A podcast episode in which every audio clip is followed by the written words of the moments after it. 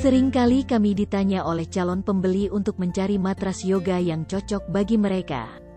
Salah satu alasan utama mereka mempunyai telapak tangan yang sering berkeringat atau disebut hyperhidrosis. Banyak di antara yogi mempunyai kecenderungan telapak tangan atau kaki berkeringat. Hal ini sangat mengganggu apabila mereka melakukan pose yoga favorit, yaitu posisi daun dog. Karena pada posisi ini, kedua tangan menjulur ke muka lurus dan menopang berat badan, dan tangan licin akan memberikan masalah untuk tergelincir.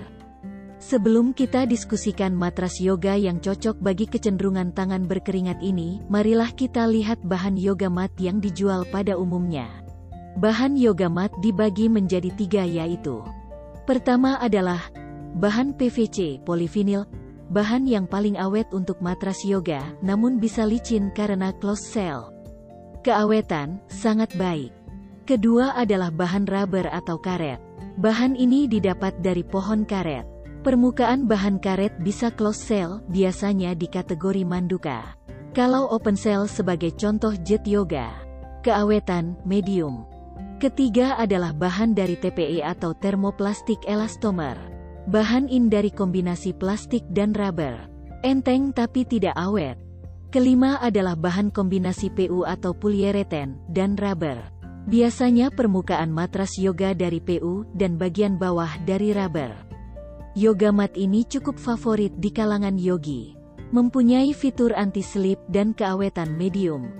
Bagi yogi yang mempunyai telapak basah atau sering berkingat, matras yoga yang cocok adalah matras yoga open cell atau yang mempunyai pori terbuka.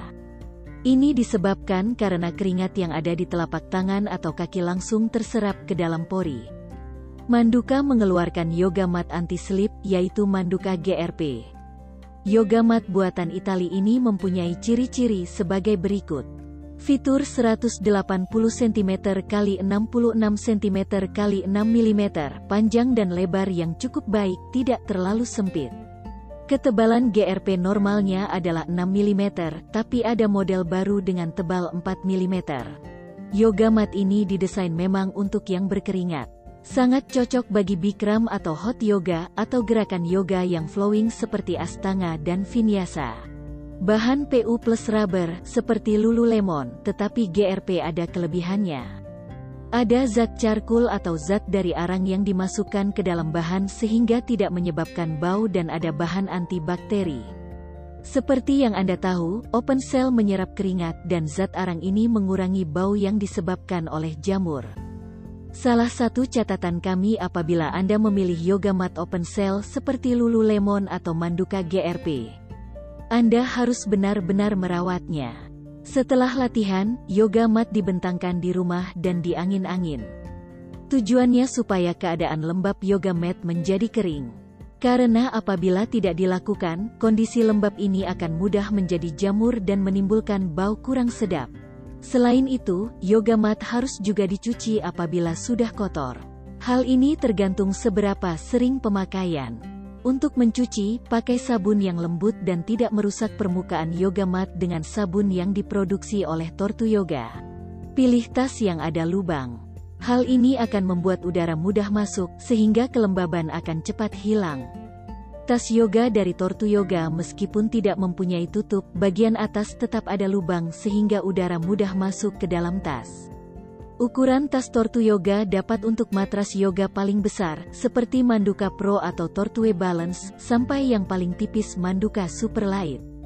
Ada yang bertanya, bagaimana kalau saya suka bahan yang sangat awet dan buatan Jerman seperti Pro Series atau Tortu Yogomat Series?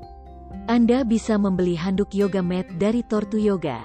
Handuk yoga ini makin basah makin anti-slip. Sebelum memakai handuk yoga mat ini, percikan air minum di mat towel bagian telapak tangan dan kaki. Sudah pasti Anda tidak akan terpleset lagi.